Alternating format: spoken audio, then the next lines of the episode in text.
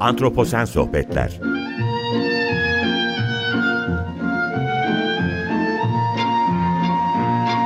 Hazırlayan ve sunan Utku Perktaş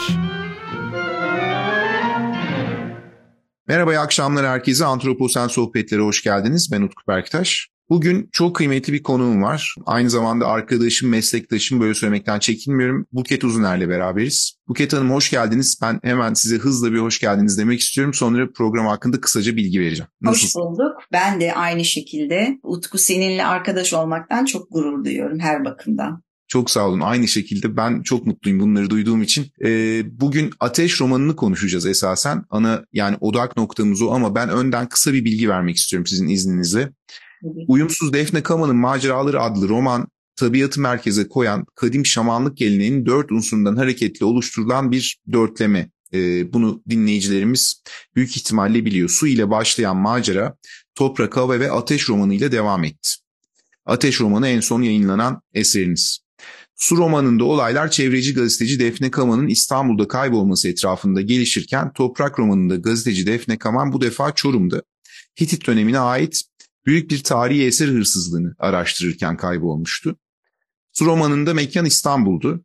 Küresel ısınmanın boyutları romanın ilk satırlarından itibaren sıcak yakınsamasıyla dile getirilmeye başlanmıştı.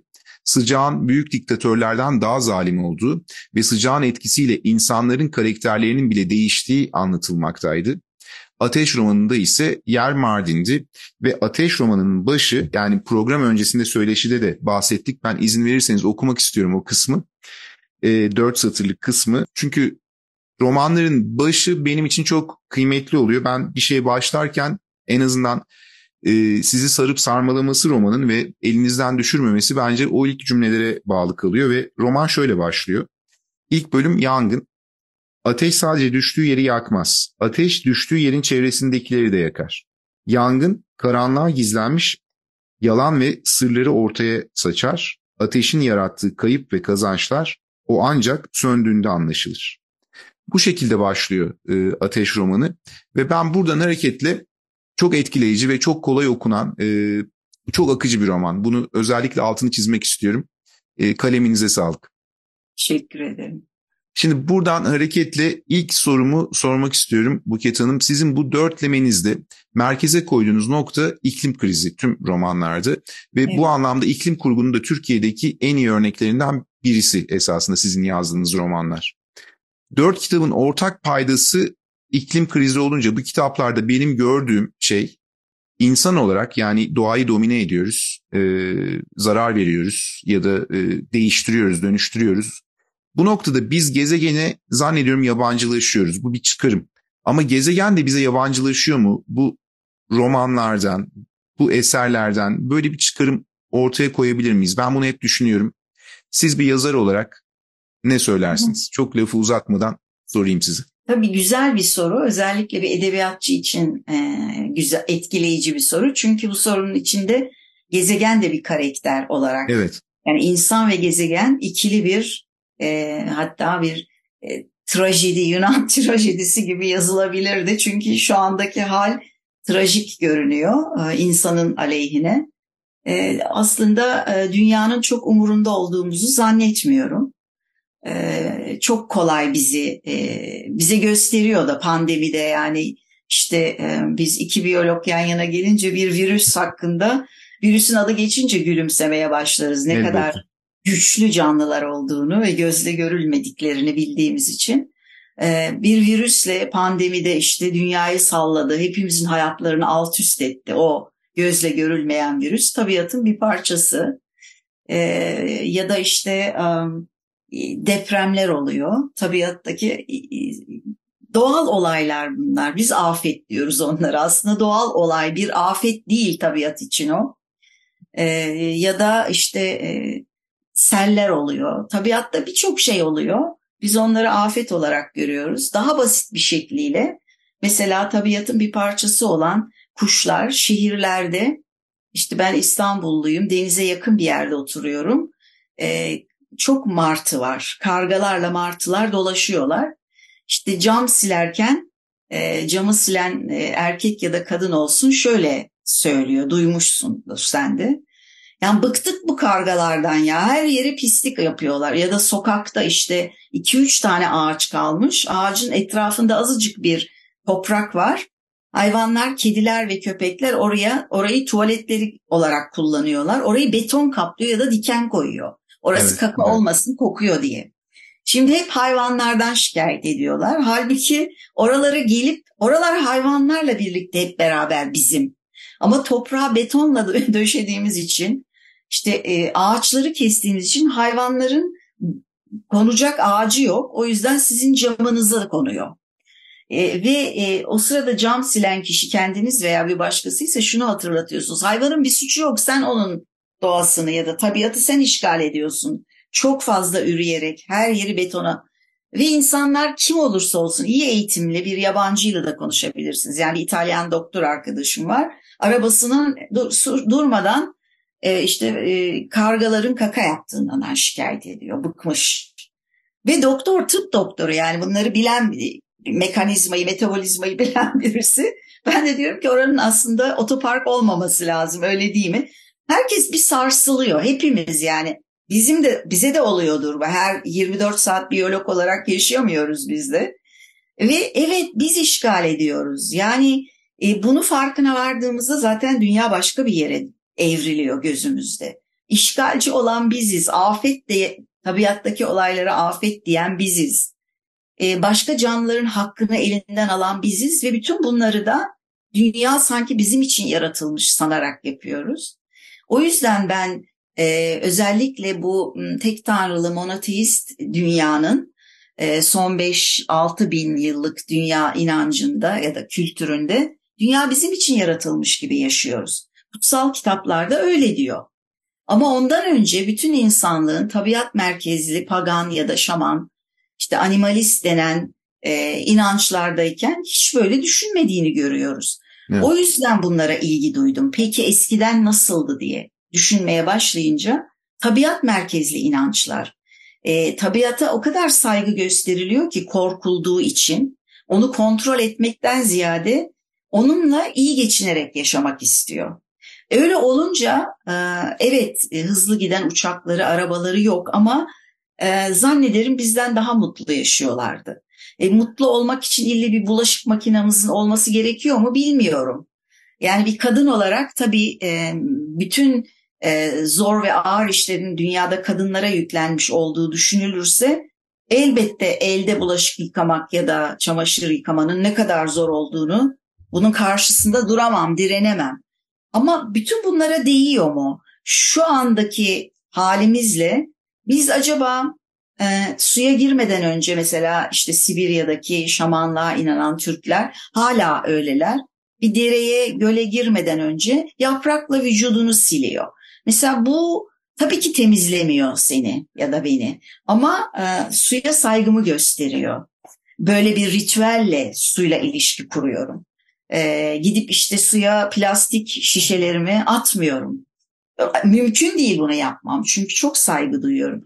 Benim e, yapmaya çalıştığım Ateş romanında da söylediğim gibi hadi gene şaman olalım değil. Böyle bir şey mümkün değil. Ama geçmişte bu kadar saygı duyduğumuz tabiata neden böyle ihanet ediyoruz? Hadi gelin düşünelim. Bundan sonra bizi idare edecek seçimle ya da neyle idare ediliyorsa, yönetiliyorsa bir, bir millet bizim bizim işlerimizi yapsın diye vergilerimizle onları maaş ödeyeceğimiz siyasetçileri tabiatı merkeze alan siyasetlerle bizi ve dünyayı yönetsinler. Bunu hatırlatmak üzere bu romanları yazdım. Bu romanlardaki mitolojinin önemi de mitolojik hikayelerin hemen hepsinin, tabii ben uzman değilim ama epey çalıştım bu 15 yılda. E, uzmanlardan da ders aldım. Ama hemen hemen bütün mitolojik hikayeler bir e, tabiat olayı üzerine kurulmuş. Hepsinde büyük göçler, kıtlıklar, felaketler var. Ama bunlar insana felaket olarak geliyor. Tabiat içinde normal hareketler. Ve e, belki biraz sonra gene konuşacağız. İklim kurgu adı verilen ya da eko eleştiri adı verilen, çevresel e, edebiyat da denen Türkçe'de e, bir e, ekol oluştu. Bu ihtiyaçtan oluştu. Ekoller bence hadi bugün de bir iklim kurgu icat edelim diye çıkmıyor. İhtiyaçtan oluşuyor. E, dünyanın ve insanlığın geldiği yerde çünkü biliyorsun edebiyat mitolojinin yazılı hali. Eskiden yazı yokken insanlar hikayeler kurup bunu binlerce kuşak birbirine sözlü olarak her kuşakta yeni şeyler eklenerek anlatıyordu. Şimdi yazılı yapıyoruz. Aslında hep aynı şeyleri yazıyoruz. Ee, yani bence Mevlana, Cervantes ve Shakespeare bitirmiş yazılacakları. İşte şiirlere evet. gelince ne bileyim Yahya Kemal e, İstanbul için öyle şiirler yazmış. Kendisini hiç sevmem ama şiirlerini çok severim. Ya, ya da ne bileyim Metin Alto, işte Adrian Rich diye müthiş bir Amerikalı şair var. Bir yön e, dünyanın en önemli şairleri bitirmişler işi. Ama tıpkı mitolojide her kuşak bir şey ekliyor ya. E, o kulaktan kulağa yeni kuşağa daha genişlemiş veya kısalmış olarak geçiyor. Bizde de yani biz derken modern dünyanın mitolojik hikayecileri olan biz edebiyatçılarda aslında aynı konuları günümüzün şartlarında günümüzün diliyle çünkü dil de gelişen bir bir organ gibi bir şey değil. Günümüzün diliyle, günümüzün bakışıyla aslında aynı mitolojik hikayeleri olduğu gibi biz de e, yazıyoruz kitaplarımızda. Ve e, daha önce galiba konuşmuştuk seninle belki özel sohbetimizde hatırlamıyorum. E, biz evet homo sapiensiz biyolojide insan türünün adı. Ama başka adlarımız da var. Mesela homo narrans dedikleri narrative'den evet, evet. gelen e, hikaye edici hikayeden öğrenen tek canlıyız bildiğimiz kadarıyla şu ana kadar. Yaptığımız ilk programda altını çizmiştik bunun. Söylemiştiniz siz. Hatır. Öyle mi? Evet. evet, evet. Özel sohbetlerimizde şey. de konuştuk ama ilk programda da bu geçmişti. Çünkü bu bunu unutuyoruz. Ben bunu her anlattığımda kendime de hatırlatıyorum. Hikayeden öğreniyoruz. En entelektüelimize bile bir şeyi bir makaleden okumakla, okumakla, bir filmde, dizide, bir romanda okumak çok fazla etkiliyor. Özellikle ilk gençlikte. Yani evet. eğer ilk gençliğinde işte hep örnek verdiğim çünkü ona takmışım ben. Suç ve ceza. Yani evet. suç ve ceza o kadar etkilemiş ki ilk gençliğimde beni ya da Sevgi Soysal'ın romanları, Yaşar Kemal'in Hı. belki sonra gelir zamanı Deniz Küstü mesela müthiş bir şimdi iklim kurgu denen Marmara Denizi'nin e, bu işte e, şimdi çok büyük kirliliğinden bahsediyoruz. Ee, on, onunla ilgili 70'lerde yazdığı romanlar o kadar gençken etkiliyor ki o yüzden e, edebiyat ve sanat hep e, söylendiği gibi söz kılıçtan keskindir, çok güçlüdür. E, kılıç belki bir defada işi bitirir ama e, sanat, edebiyat, söz özellikle söz sanatı bütün sanatların bence anasıdır. O kadar güçlüdür ki bir defa girdi mi hücrenize ondan sonra çıkmaz ve sizi de e, gözünüzü açar. Bu çok kıymetli bir şey. O yüzden e, iklim kurguda benim de biraz payım varsa çok e, var. Çok mutlu olurum. Ben şimdi ona geleceğim aslında. Şimdi mitolojiyle ilgili bir sorun vardı ama şeyi unutmadan söylemek istiyorum. Şimdi ben kitabı okuduğumda bu seride özellikle şöyle bir şey var. İklim kurgunun en iyi örnekleri bence Türkiye'de sizin yaptığınız. Çünkü burada bir biyolog e, arka planı olması da önemli bir etken. Ve kitap ekolojiyle alakalı bilgiler de veren bir kitap aynı zamanda. Şimdi mesela 6. yok oluştan bahsediyorsunuz kitap içerisinde. Evet. Şu an içinde olduğumuz yok oluş dönemi ama insan eliyle yaratılmış olan yok oluş dönemi ama ekolojik bilgiler var bu anlamda. E, merak uyandırıp en azından okuyucuyu e, belki internetten belki farklı kaynaklardan bilgi sahibi yapmaya yönelik e, evet, şeyler, bilgiler. Yok kesinlikle. Araştırmaya iten yani Kesinlikle şeyler. merak uyandırıp bak yani bakılması gereken şeyler olduğunu inanıyorum burada. E, bunlar çünkü hani insanların aklında olmayabilir. Şimdi bu işin bir tarafı ekoloji tarafı ama başka bir kulvar da mitoloji anlamında gidiyor. Şimdi evet. e, özellikle bu seriye bakınca Türkiye mitolojisi hakkında da bilgi veriyorsunuz. E, evet. Yani biraz bundan bahsedebilir miyiz? Türk mitolojisi dediğimizde köşe taşları neler? Özellikle romanın Mardin'de geçiyor olması, Ateş romanının ile mitoloji arasında bir bağlantı var mı? Biraz bu konuda neler söylersiniz? Çünkü diğer söyleşilerinize baktığım zaman da mesela işte Tulpar aklımda evet, kalanlardan birisi. Evet evet bunla, bunları hiç biz ben ya bu benim cahilliğim ben bilmiyorum ama zannediyorum birçok insan birçok insan belki de bilmiyor. Evet. Bu konuda neler söylersiniz? Bu Türk mitolojisi, köşe taşları neler? Neden Mardin'deyiz? Aslında başında söylediğin gibi su, toprak, hava, ateş bu dört element, unsur e, hemen hemen bütün inançlarda dünyada evrenin bunlardan oluştuğu düşünülüyor. Türklerde altı tane unsur varmış. E, su, toprak, hava, ateşten sonra ağaç, odun ya da tahta denen hı hı, evet. aslında e, hayat ağacımız bizim o şimdi e, neden yaptığımızı bilmediğimiz aslında e, eski inancımızda ve hala içimizde devam eden eski inançlar öyle çıkan şeyler değildir. E, çaput bağlama ağaçları, o dilek ve hayat ağacı.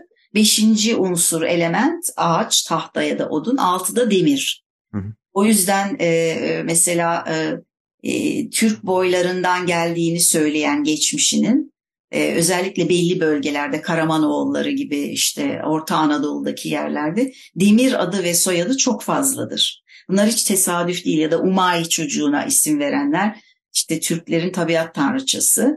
Bunları bilmiyoruz ama e, o kadar köklü e, içimizde salmış ki o, o bilgiler kuşaktan kuşağa taşınıyor ya da işte gök tengrinin bir adı e, Ülgen, Bay Hazret oluyormuş. Bay Ülgen Hazreti Gök Tanrı gibi.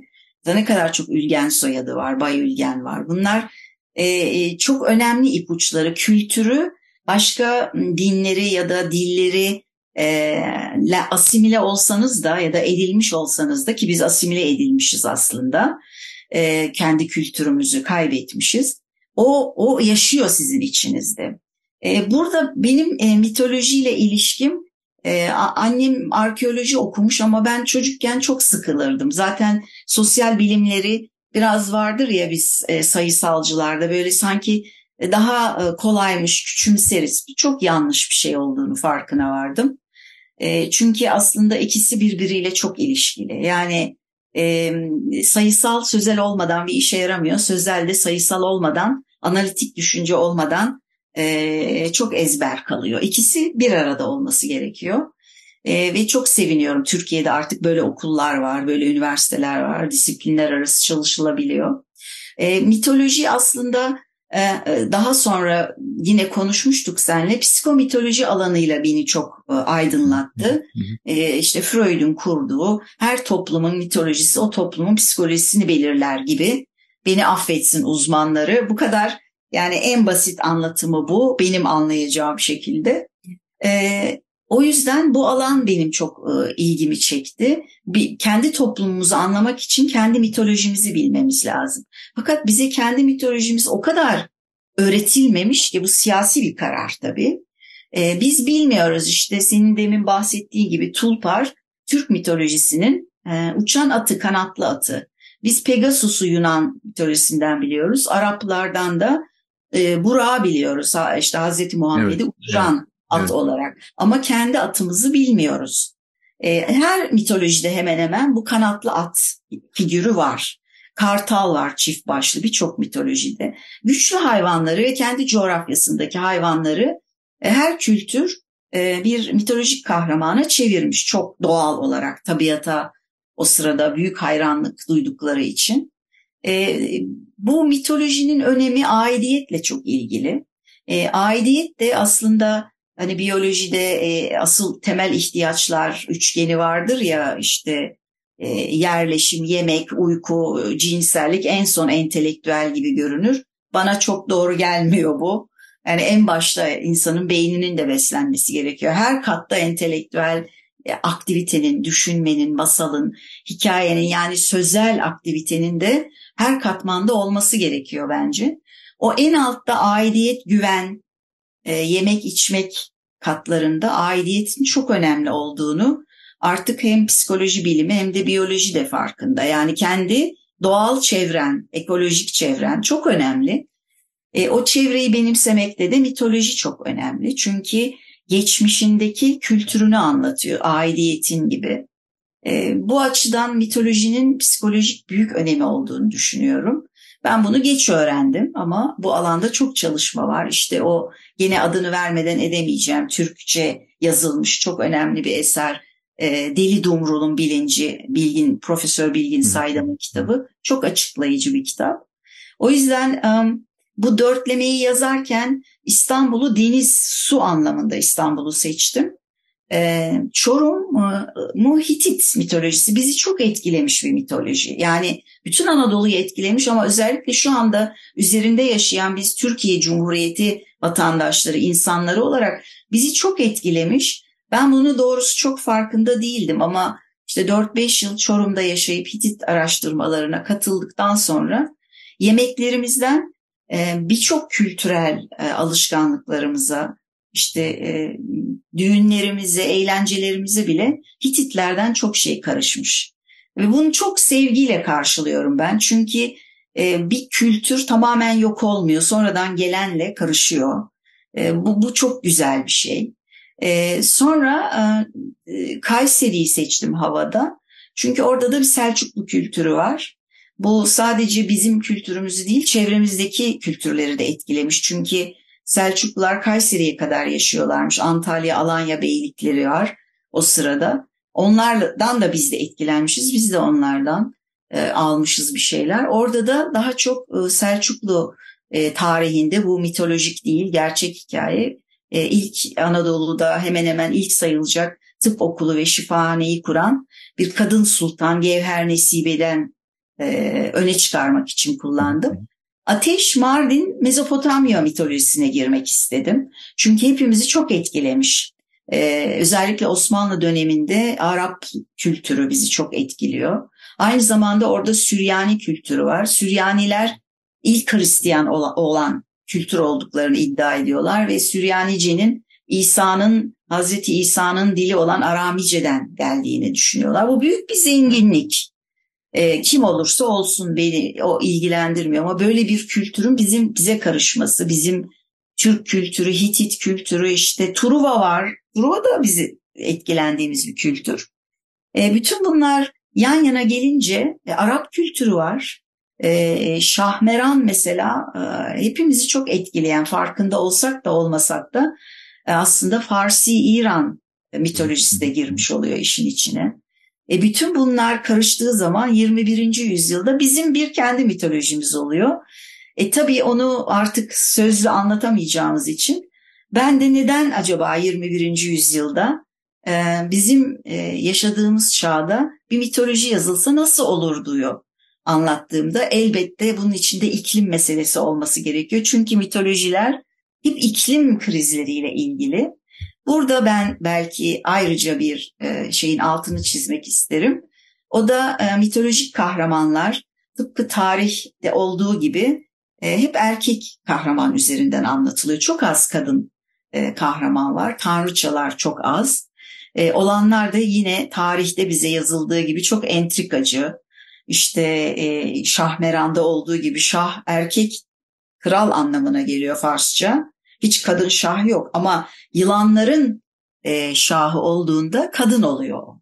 Çok hmm. enteresan. Yılanın e, işte ne kadar kötülük simgesi olduğu söyleniyor. Halbuki yılan tıbbın ve eczacılığın simgesi, otacılığın, şifacılığın simgesi. Üstelik kılıf değiştirdiği için e, o, o aynı zamanda e, yeniden doğuşu temsil ediyor. Ve bütün bunları e, kadına yönelik bir aşağılayıcı unsur olarak bu e, 7-8 çeşidi var. Yani bir Hatay'da bizim kendi şahmeran, Türkçe söylenen bir şahmeran var. İşte Mezopotamya'da Arapçası var, Farsçası var. Çok Adana'da var. Kaleler kurulmuş şahmeran için. Yani şahmeran artık bizim de olmuş. Ee, biz derken Türkçe konuşan insanlardan söz ediyorum. Türkiye'nin olmuş. Ee, bu kavramlar üzerinde çok tartışılıyor. Ben açıkçası bize ait, bizim kültürümüze ait, dilimize girmiş her şeyin bizim olduğunu düşünüyorum. Anlıyorum. Aynı şekilde bizimkiler de başkasını etkilemiş olabilir. Burada şimdi şeye geleceğim. Yine zaman çok hızlı aktı. Ee, bir, birkaç dakikamız kaldı ama hızlı soracağım. Şimdi Su 2012 yılında yayınlanıyor. Evet. Toprak 2015, Hava 2018 ve Ateş 2023. Evet. Aslında çok ciddi bir çalışma e, zamanı geçiriyorsunuz. Yazım süreçlerinde düşündüğünüz zaman 13-14 yıl falan. Yani evet. baya baya bir e, çok Hayatımın çalışma. 15 yılı. evet evet çok önemli bir zaman dilimi ve çok önemli bir emek. Şimdi siz e, romanlardaki olayları, romandaki olayları bugün Anadolu'da yaşayan bütün kültürlerin günlük yaşamına sinmiş hani kadim şaman geleneklerinden ve Orta Asya ile Sibirya mitolojilerinden esinlenerek evet.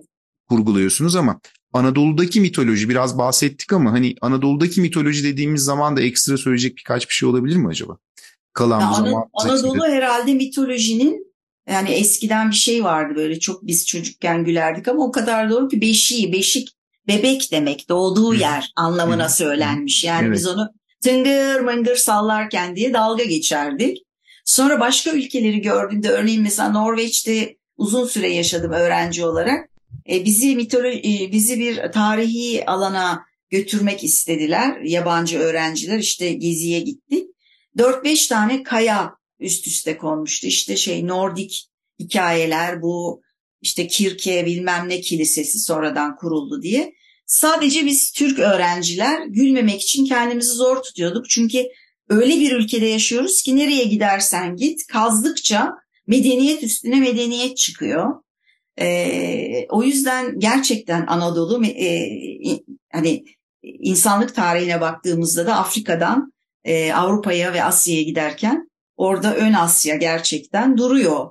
E, o yüzden çok zengin. Yani dört kitapla beş kitapla bitecek gibi değil. Ama benim amacım bu bir giriş olabilir. E, hep böyle işte uzakta Kutatku Bilik gibi işte sadece adını bildiğimiz hatta hiç içinden bir şey bile okut okutmadıkları için bilmediğimiz yani eğitim sisteminde olmayan bir kitap. Adını bir öğreniyoruz. Ne olduğunu işte Kutlu Bilgi kitabı. Ama işte e, ta 11. yüzyılda Karahanlı Türkçesiyle yazılmış e, çok kıymetli bir kitap bu. Ve 800 e, beyitten hatta 800, 8800 yanlış söylemeyeyim unuttum şimdi. Çünkü ben başka şeyler çalışmaya başladım. Çok ciddi bir kitap ve bin yıl önce Karahanlı Türkçesiyle yazılmış ve o zamanı yöneten Kaan, Han yani krallara daha adil ve e, daha iyi halkı nasıl yönetirsiniz diye bir şairin yazdığı Yusuf adlı Yusuf Hasacık adlı bir şairin yazdığı kitap. E, bunları öğrenmemiz niye önemli? E, aidiyetimizle ilgili olduğu için. Bunları öğrendikçe aslında kendi kültürümüzün iyi taraflarını da göreceğiz. Hep kötü taraflarını eleştiriyoruz. Sanki hiç iyi bir şey yapmamışız. Hep bozguncu ya da birbirini yiyen bir halkmışız gibi gösteriliyor bize. Öyle değiliz. Bizim de çok iyi ve güzel yanlarımız var. Bunu mitolojimizi öğrenerek, yazılı kaynakları da öğrenerek e, ve aynı zamanda bu iklimle ilgili meseleyi yani e, tabiatın efendisi olmadığımızı hatırlamak için kendi eski inançlarımıza ya da başkalarının inançlarında da var bu. İşte Norveçliler, Vikingler de pagan da aynı şey. Onlar da tabiata hayran ve tapıyorlardı. Bugün bunu yapabilir miyiz? Hayır, bugün şaman olamayız. Ama bir zamanlar öyleydi, öyleydik. Tabiata çok değer veriyorduk. Bir insan olarak efendisi değil, tabiatın bir parçasıydık. Bileşeniydik. Daha sade yaşayabiliriz'i hatırlatmak istediğim için bunları yazdım. Ee, umarım e, bir işe yarıyordur. Çünkü dünyada en güzel şey işe yaramak. Kesinlikle ee, Yoksa çok bilgili olmak, e, işte ne bileyim çok bilgi olmak falan e, bir işe yaramıyorsa hiçbir önemi yok sonuçta. Çok haklısınız. Valla kaleminize sağlık. Bu Ateş romanı gerçekten e, okunabilirliği diğerleri gibi çok e, rahat olan bir e, metin olmuş. Kaleminize sağlık diyorum, ellerinize sağlık. Ben de programın programın sonuna geldik. Ben tabii şeyi de bir belirtmek istiyorum. Mesela e, kitapta radyo ekoloji var.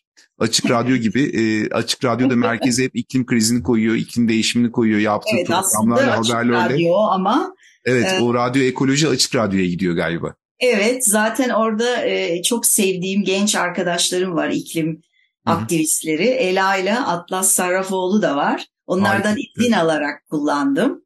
Romanın içinde e, adlarıyla geçiyorlar. Onlar da Defne Kama'nın e, yeğeni yani e, Z kuşağı denen kuşaktan e, geleceğimizi temsil eden Ayperi'nin arkadaşları.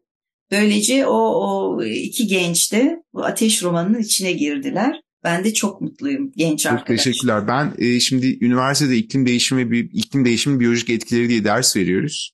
Şimdi evet. o derste de ve biyocoğrafya dersinde de sizin serinizi öneriyorum. Çünkü hem e, bir başka pencereden bu probleme bakmak e, hem de daha akılda kalması için bir takım problemlerin çok önemli olduğunu düşünüyorum. Buket Hanım çok Evet. teşekkür ederim. Ben de teşekkür ederim. Geldiğiniz programa yine e, yoğun programınız arasında vakit ayırdınız ve Seve gerçekten çok da güzel sohbet ettik. Hani program öncesinde düşünecek olursak Evet. ben ne kadar teşekkür etsem azdır. Eksik olmayın. Ben de öyle aynı şekilde keyif aldım. Bir de bu romanların e, mitolojilerde çok bizden gizlendiği gibi tam tersine iki kadın karakter üzerinden gitmiş olması benim için Evet. çok kıymetli. Evet. Çünkü kadın kahraman yok ve bu dünyaya bir kız olarak gelirseniz çok temsil edilmediğiniz için kırgın gidiyorsunuz. En azından ben bundan sonraki kızların böyle uyumsuz Defne Kaman Tamam. ve anneannesi Umayni'nin iki kahraman olmaları olmasını önemsiyorum. Çok teşekkürler. Ben, Ben programı programı burada kapatıyorum. İyi akşamlar diliyorum dinleyicilerimize. Önümüzdeki haftalarda görüşmek üzere. Hoşçakalın.